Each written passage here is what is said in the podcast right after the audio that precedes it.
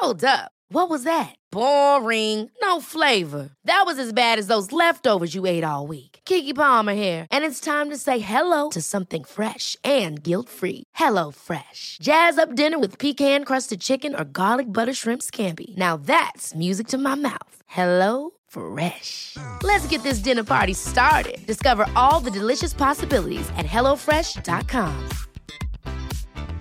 Jewelry isn't a gift you give just once. It's a way to remind your loved one of a beautiful moment every time they see it. Blue Nile can help you find the gift that says how you feel and says it beautifully with expert guidance and a wide assortment of jewelry of the highest quality at the best price. Go to BlueNile.com and experience the convenience of shopping Blue Nile, the original online jeweler since 1999. That's BlueNile.com to find the perfect jewelry gift for any occasion. BlueNile.com.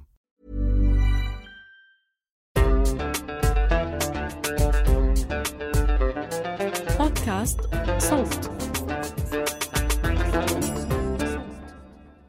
قبل ما أعرف عن حالي وقبل ما أحكي أي إشي تاني بحب أعزي شعبنا الفلسطيني وأعزي كل الناس اللي فقدوا عيالهم وأحبابهم وأصحابهم بالفترة الأخيرة وفي العدوان الاستعماري الوحشي الأخير. مر مرينا فقدانات وحزن كبير بس بنفس الوقت مرينا انتصار ومشاعر قوة وفخر كتير كبيرة.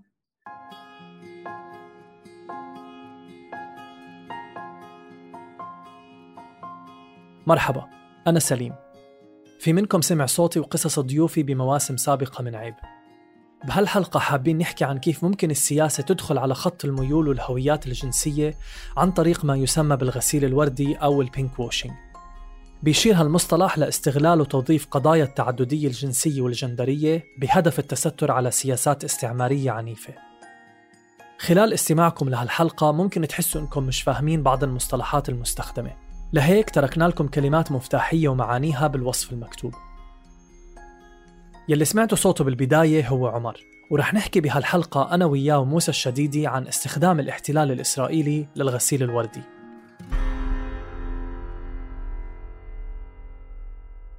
يمكن أكبر مثال ممكن نطرحه لدولة بتستخدم الغسيل الوردي هي دولة الاحتلال الإسرائيلي. هالاحتلال يلي بيروج لنفسه على أنه جنة للديمقراطية وجنة للحريات والمساواة بما يشمل ذلك حريات المثليين وحقوقهم. هو نفسه الاحتلال يلي بيقتل وبيدمر وبيهجر نفسه الاستعمار يلي بيحاول كل يوم يخلق فجوة كبيرة بين أفراد المجتمع الفلسطيني. إن كان بناء على اختلافاتهم العرقية أو الدينية أو هوياتهم الجنسية والجندرية. بالرغم من هاي المفارقة بتنجح دولة الاحتلال بكثير من الأحيان إنها تستقطب تعاطف وإعجاب مجتمعات عديدة.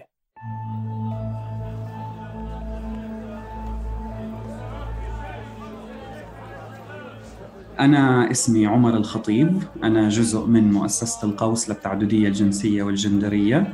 حاليا موجود في القدس وأنا من القدس وبشتغل في القوس من القدس برضو. بعد شهر مشتعل بالعنف الاستعماري وبالمقاومة الفلسطينية أيضا. فكر يعني بالذات بهذا الشهر يعني كان كتير واضح أكثر من أي وقت مضى إجرام دولة الاحتلال وإنه يعني هذا الكيان المجرم اللي بيمارس كل هذا العنف ولا يمكن إنه يكون حامي لحدا ولا يمكن إنه يكون منيح لأي حدا سواء مثليين أو مش مثليين. فيعني هاي الفترة هيك كمان كتير بارز فيها هذا الإشي وكتير شفنا تلاحم وكتير شفنا هيك قوة في المجتمع الفلسطيني وهيك نوع من الوحدة.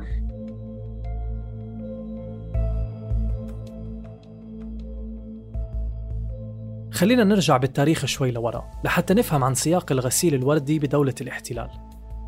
بال 2005 وبعد الانتفاضة الثانية بدأت دولة الاحتلال حملة باسم براندينج إسرائيل بالشراكة مع مدراء تسويق أمريكيين بتهدف لتسويق إسرائيل كعلامة تجارية. استهدفت الحملة شباب أمريكيين بالمقام الأول وغربيين بالمجمل عشان تروج لهم إسرائيل كوجهة سياحية آمنة وسط العالم العربي تخلو من رهاب المثلية. يطلق على هذا النوع من البروباغندا اسم أو مصطلح الغسيل الوردي أو ال pinkwashing. هالمصطلح تبنته حراكات ومجموعات فلسطينية عديدة مناهضة للاستعمار من ضمنها مؤسسة القوس يلي بينتمي لها عمر.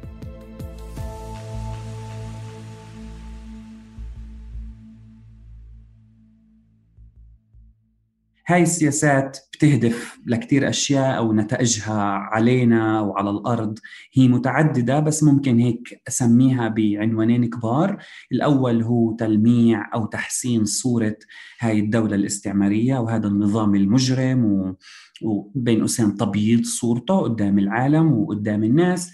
والإشي الثاني هو إعادة توجيه العنف الداخلي في المجتمع المستعمر وفي حالتنا في المجتمع الفلسطيني. إعادة توجيهه وإنتاجه داخليا وتعزيز فروقات داخل المجتمع الفلسطيني.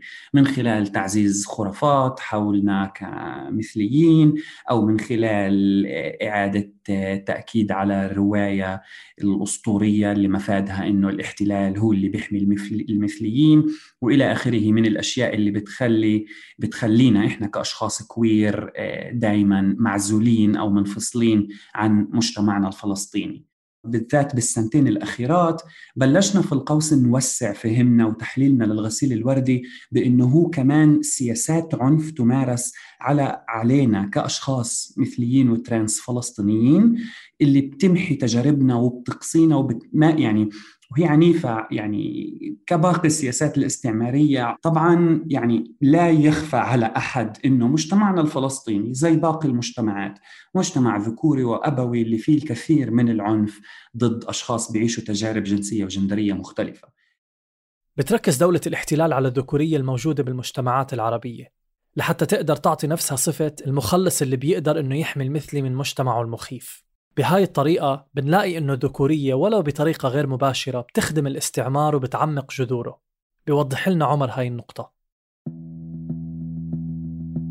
كل الوقت الاستعمار بحاول يعيد الإنتاج والتأكيد على رواية إنه المجتمع الفلسطيني homophobic متخلف لا أمل من تغييره والحامي الوحيد للمثليين وال trans الفلسطينيين هو دولة الاحتلال. وبالتالي هذا بيعيد كل الوقت ترسيخ وإنتاج فكرة عند كثير أشخاص كويرز فلسطينيين بكره مجتمعهم وبأنه هم كل الوقت راح يكونوا منفصلين وخارج مجتمعهم. وبتتشكل أسطورة بأنه فعلا اللي ممكن يحمي يحمينا كأشخاص هو الاحتلال. آه، واللي هي طبعا يعني أسطورة يعني فارغة وليس لها من الصحة أي شيء. فبالتالي هذا كل الوقت بس بعيد إنتاج إنه فصل وبيعزز عزلة أشخاص كوير فلسطينيين عن مجتمعهم. مهم كتير إنه نسلط الضوء على تجارب مثل تجربة عمر لأنها بتفرجينا إنه الأشخاص يلي بيعيشوا تجارب جنسية وجندرية مختلفة هم جزء من المجتمع بيحاربوا الاحتلال وبيتعرضوا لسياساته العنيفة مثلهم مثل باقي أفراد المجتمع. مؤسسة القوس هي واحدة من المؤسسات اللي بتحاول توضح وتحارب هاي السياسات. من 20 سنة تقريبا فتحت مؤسسة القوس بوابها من خلال مشروع صغير بالقدس. أسسها ناشطات وناشطين مثليات ومثليين trans و bisexuals وأشخاص بيعيشوا تجارب جنسية وجندرية مختلفة. القوس كمؤسسة بتشتغل على تعزيز وتوسيع الحوار المجتمعي حول قضايا التعددية الجنسية والجندرية وهي من أكثر المؤسسات الفلسطينية الحاضرة والمؤثرة اليوم. بتشتغل مع مؤسسات المجتمع المدني والمدارس ومع الإعلام المحلي الفلسطيني وبتشتغل كمان على إنتاجات معرفية وثقافية وفنية حول هاي القضايا. بالإضافة لحملات سياسية داخلية وخارجية مناهضة للاستعمار. تفرعات هاي كلها معجونة بتحديات كبيرة. كل يوم في تحدي جديد وكل يوم في كفاح للوجود والاستمرار على الأرض. إحنا للاسف بنشتغل بحقل متفجر من التحديات يعني ابتداء بالأشياء البنيوية اللي متجذرة في مجتمعنا اللي هي يعني هي سبب وجود مؤسسة القوس أصلا اللي إذا بدنا نبلش بالأشياء الكبيرة اللي هو النظام الأبوي والذكوري اللي إحنا عايشين فيه اللي هو بعنفنا وبيسبب عزلتنا وإقصائنا ومحو تجاربنا. بالإضافة طبعا لنظام رأسمالي اللي بفقرنا وبوضعنا بدوائر تهميش كل الوقت. وبالحالة الفلسطينية في يعني طبقة إضافية أو خصوصية زيادة اللي هي النظام الاستعماري اللي إحنا بنعيش فيه.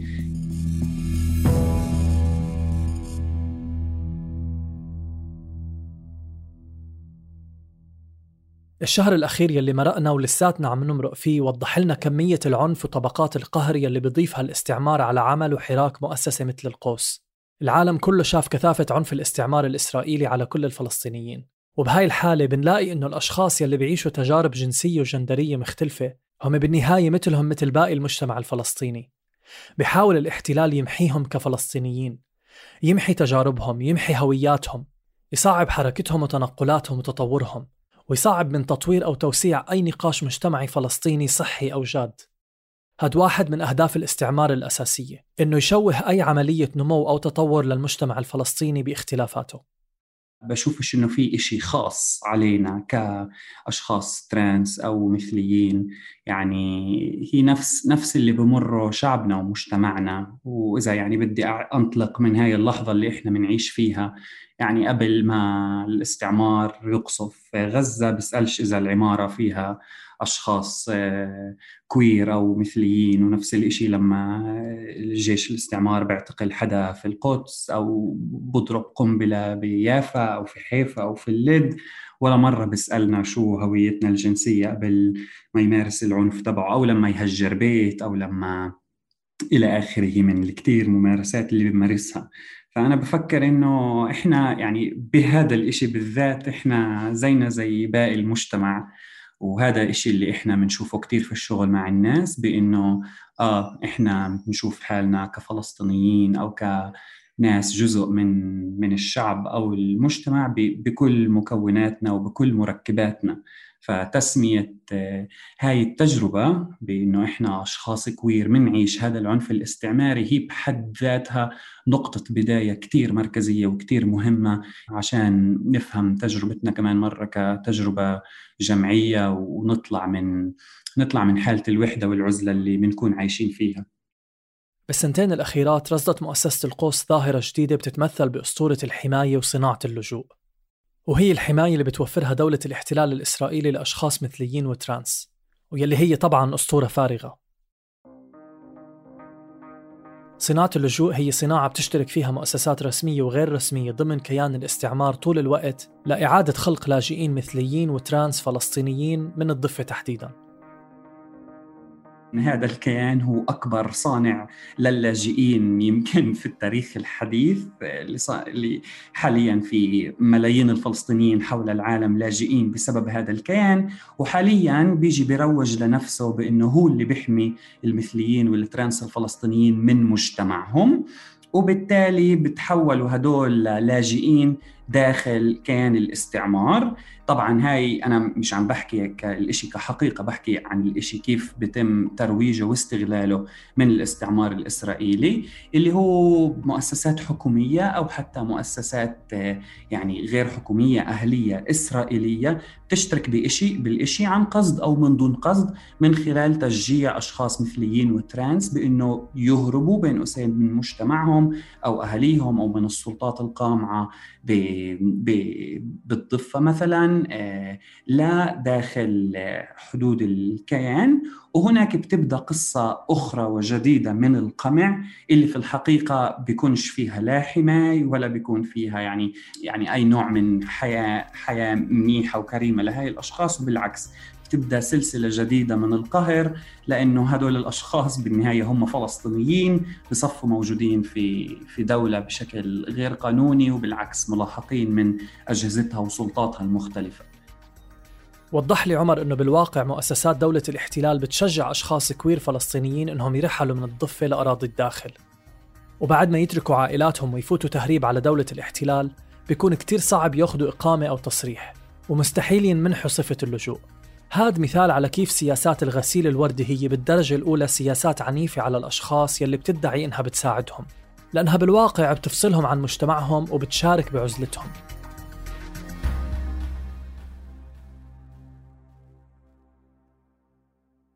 من وجهة نظر موسى الشديدي الكاتب والباحث بمجال الجنسانية والجسد كتير مهم أنه نفهم كيف بتقوم دولة الاحتلال بإظهار نفسها كدولة بين قوسين عصرية ومتحضرة. اليوم مهم نحكي عن الغسيل الوردي ونفضح استراتيجياته لأنه حكومة الاحتلال باللي عم تعمله بالشيخ جراح وباللي عم تعمله بغزة وباللي عم تعمله بالضفة الغربية وحتى بالداخل الفلسطيني آه، المحتل. وكل الأحداث اللي صارت بسرعة واللي فضحت وأسقطت القناع عن هاي الديمقراطية بين أقواس وفرجت قد هي عنصرية وقد هي بشعة وقد هي إجرامية وقد هي ما بتلتزم بأي إشي متعلق بحقوق الإنسان. هم اليوم معولين تماما على سياسات الغسيل الوردي. يعني ايباك آه نشرت على حسابها الرسمي على تويتر إنه do you support LGBT rights? uh, حماس doesn't stand with Israel. بمعنى إذا أنتم بتدعموا حقوق المثليين لازم توقفوا مع إسرائيل ضد حماس. فاليوم الممارسات الموجودة على ال social media بتفرجينا إنه هم معتمدين وعم بيحاولوا من خلال غسيل الوردي يسترجعوا آه، ماء الوجه زي ما بنقول يسترجعوا آه، الفتات اللي اللي ممكن إنه يسترجعوه لصورتهم قدام المجتمع الدولي. بيعتبر بعض الأشخاص أنه الرد على سرديات الاحتلال وأخذها بعين الاعتبار بحطنا بموقف دفاعي ضعيف. منضطر فيه أنه نبرر موقفنا بالرغم من أنه الحق معنا. بس واقعيا ما منقدر نتجاهل القوة الإعلامية لدولة الاحتلال وتعاطف بلدان عديدة مع سردياتها. وبالتالي من المهم أن نشتبك معها ونعطي الأشخاص فرصة التعرف على القصة الحقيقية. حكالي موسى شو طبيعة الحجج والأدلة اللي بيناقش فيها مثل هيك ناس بدهم أدلة طول الوقت. بما أنه هم عم بيستخدموا هذا الخطاب علشان يشرعوا نفسهم وعشان آه، يبرروا قتل المحتل. فبلكي نحن محتاجين إنه إنه نحكي بالأحداث وبالارقام وبالوقائع اللي موجودة داخل هاي دولة الاحتلال. آه، علشان العالم يعني مع الأسف بيحتاج أدلة علشان يفكر إنه الاحتلال بيرتكب انتهاكات مش إشي يعني مفهوم ضمنا. بنشوف مثلا آه، بتل أبيب ب 2009 صارت عملية إطلاق نار من قبل شخص مجهول بمركز لمساعدة المثليين أصاب عشر أشخاص وقتل شخصين. هذا الشخص لليوم حر طليق. ب 2015 في يهودي طعن ست أشخاص آه، يهودي متدين بمعنى آه، طعن ست أشخاص مثليين وقتل وحدة بتذكر أنه عمرها 16 تقريبا بمسيرة فخر آه، بالقدس. وهذا الشخص نفسه كان عامل نفس الجريمة ب 2005 وعادي تركوه يطلع من السجن وطبعا كل سنة بتصير في تقريبا كل سنة بتصير في مظاهرات بالقدس من قبل يهود متدينين ضد مسيرة الفخر المثلية. ب 2015 عضو الكنيسة من البيت اليهودي آه من حزب البيت اليهودي قال إنه فخور بإنه يكون كاره للمثلية. يعني عم نحكي على مستوى سياسيين كمان عم نحكي على مستوى آه، رجال آه، هم بيسنوا القوانين بدولة الاحتلال. أه بفتخروا قدام الإعلام قدام كل حدا إنه هم بيكرهوا المثلية. كيف عم نحكي عن جنة مثليين؟ وفق أي معايير عم نحكي عن جنة مثليين؟ ب 2018 في بحسب منظمة مثلية إسرائيلية جرائم الكراهية ارتفعت بنسبة 54 بالمية عن السنة اللي قبلها. بسنة 2019 بنفس المؤسسة أصدرت إحصائية قالت فيها أنه جرائم الكراهية كمان ارتفعت 36% يعني كل سنة جرائم الكراهية ضد المثليين داخل دولة الاحتلال عم بتزيد. شو وجه جنة المثليين أو عاصمة السياحة المثلية بكل هذا الكلام؟ بال 2014 انتشرت فضيحة عن وحدة الاستخبارات 8200 بجيش الاحتلال يلي كانت مسؤولة عن مراقبة الاتصالات والعالم الافتراضي الرقمي. كان هدف الوحدة إنها ترصد المثليين والمثليات بالمجتمع الفلسطيني لحتى تبتزهم وتهدد إنه تفضحهم قدام أهاليهم إلا إذا تعاونوا معها وتجسسوا لصالح جيش الاحتلال. الفضيحة انتشرت عن طريق جنود كانوا بيشتغلوا بهاي الوحدة وطلعوا حكوا إنهم كانوا عم بيتجسسوا على مثليين فلسطينيين. هذا الإشي بيعطينا انطباع آخر عن كيف الاحتلال بتعامل مع المثلية وبيستخدمها لصالحه. من جهته بيرصد موسى الأدوات المرئية اللي بتستخدمها دولة الاحتلال لسياسات الغسيل الوردي الصهيونية. ب 2016 لما فكرنا بإنشاء مبادرة سنمجي كان جزء أساسي من أهمية المبادرة هو إنه العدو عم بيستخدم السينما ضدنا. العدو عنده مهرجان سينما كويرية مثلية دولية كل سنة بيعملوا بتل أبيب بيمول وبيجيب أفلام آه، بيفرش حاله كأنه هو يعني إشي مهم بحقوق المثليين. والعدو بيمول أفلام وبيبعتها لمهرجانات برا عشان آه، تغسل له صورته وتغسل له جرائمه وانتهاكاته وإيده الملطخة بالدم. يعني بالسينما بيفرجوا إنه الفلسطيني آه، مقموع من أهله يا حرام و وبده بس حدا ينقذه. بالأكيد طبعا الإسرائيلي الأبيض الصهيوني هو رح ينقذه بالآخر ويحبه وياخده على جنة المثلية تل هاي هي الصورة يلي آه، الكيان الصهيوني بيمولها لتنعمل أفلام وبيبعتها على مهرجانات عالمية. وبقنع العالم فيها. وما في نقد كافي لهاي الأفلام ما في نقد لسردية هاي الأفلام. فكان كتير مهم بالنسبة لنا مش بس نعرض هاي الأفلام وننتقدها بدوائر بمجموعات آه كمان ننشر نقدنا من خلال فيديوهات من خلال مقالات من خلال postcards بنطبعهم من خلال أي طريقة ممكنة بتبين آه بتكشف هذا هذا الكذب بتفرجي قد إيه سيء تأثيره على حياتنا كلنا على إنه جنسانية الناس ممارساتهم الجنسية بالتخت عم تستخدم لتبرر قتل بني أدمين. وكمان علشان الناس يتعلموا كيف ينقدوا علشان هاي الأطر النقدية تصير واضحة بعقول الناس بحيث لما يحضروا أفلام يقدروا يشوفوا وين المشكلة يقدروا ما يشوفوها بس كمتلقي يشوفوها كمان كناقد. وهذا إشي كتير مهم نعمله على كل إشي بنحضره مش بس على السينما الممولة من الصهاينة. لأنه في سينما عربية كمان سيئة جدا يعني. اللي هي ممولة من الحكومات وتمثل سردية السلطة بالمنطقة. من جهة تانية ذكر لي عمر أنه المهم بالنسبة لهم بالقوس مش الوقوف ضد الفلسطينيين اللي بينساقوا اتجاه السياسات الإسرائيلية إما اقتناعا أو ابتزازا وإنما ضد الدولة نفسها وخطابها اللي بيمثل جذور المشكلة. يعني في أشخاص فلسطينيين اللي بفكروا إنه آه ممكن دولة الاحتلال بتحميهم أو دولة الاحتلال بتوفر لهم ملاذ أو بتوفر لهم مهرب ما من العنف المجتمعي. وبصراحة أنا بف يعني بفكرش إنه اللي يجب أن يلام هي هاي الأشخاص. لأنه هاي الأشخاص واحد مرت بالكثير من العنف والصدمات بحياتها من مجتمعها للأسف.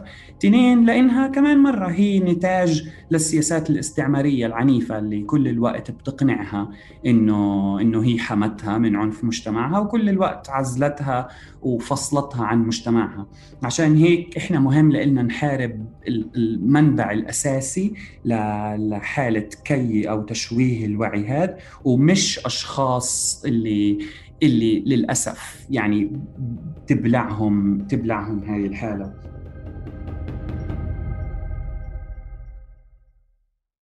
من جانب تاني لكنه مرتبط بهذا الموضوع بضيف موسى إنه في جانب مهم نكون واعيين عليه وإحنا عم نشتغل على تحرير الأرض.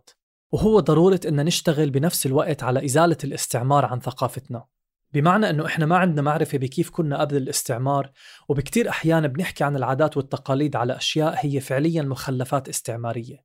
بالنسبة لموسى مثل ما الأرض بحاجة لتحرير أجسادنا وثقافتنا وعقولنا وجنسانيتنا بحاجة لتحرير من مخلفات الاستعمار كمان.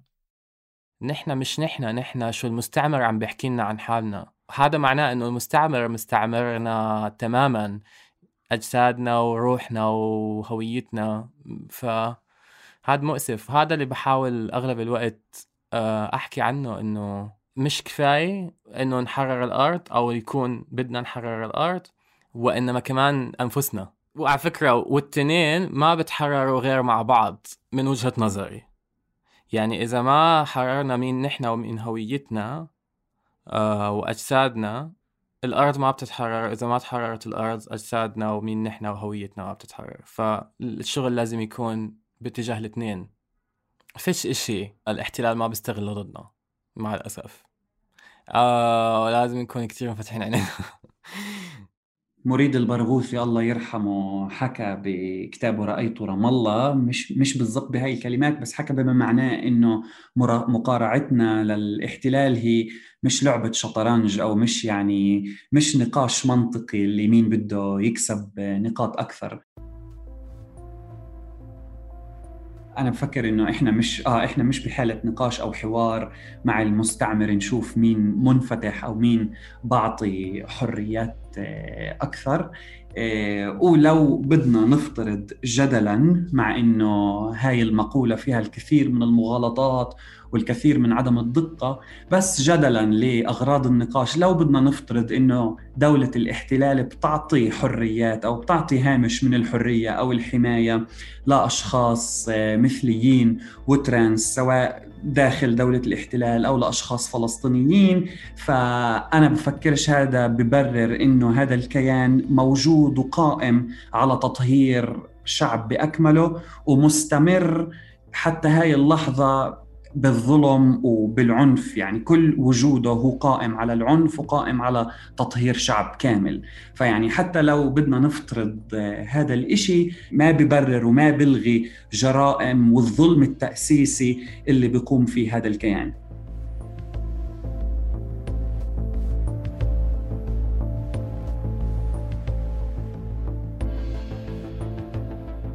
كنت معكم من الإعداد والتقديم سليم سلامة. شاركني بالإعداد والكتابة موسى الشديدي. من التحرير تالا العيسى من هندسة الصوت محمود أبو ندى وأشرفت على النشر والتواصل مرام النبالي وبيان حبيب.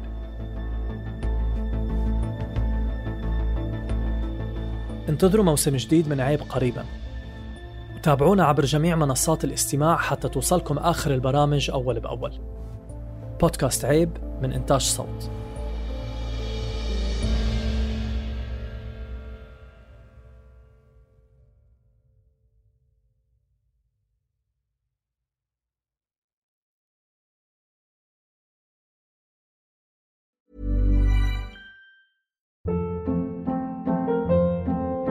Hold up. What was that? Boring. No flavor. That was as bad as those leftovers you ate all week. Kiki Palmer here, and it's time to say hello to something fresh and guilt-free. Hello Fresh. Jazz up dinner with pecan-crusted chicken or garlic butter shrimp scampi. Now that's music to my mouth. Hello Fresh. Let's get this dinner party started. Discover all the delicious possibilities at hellofresh.com.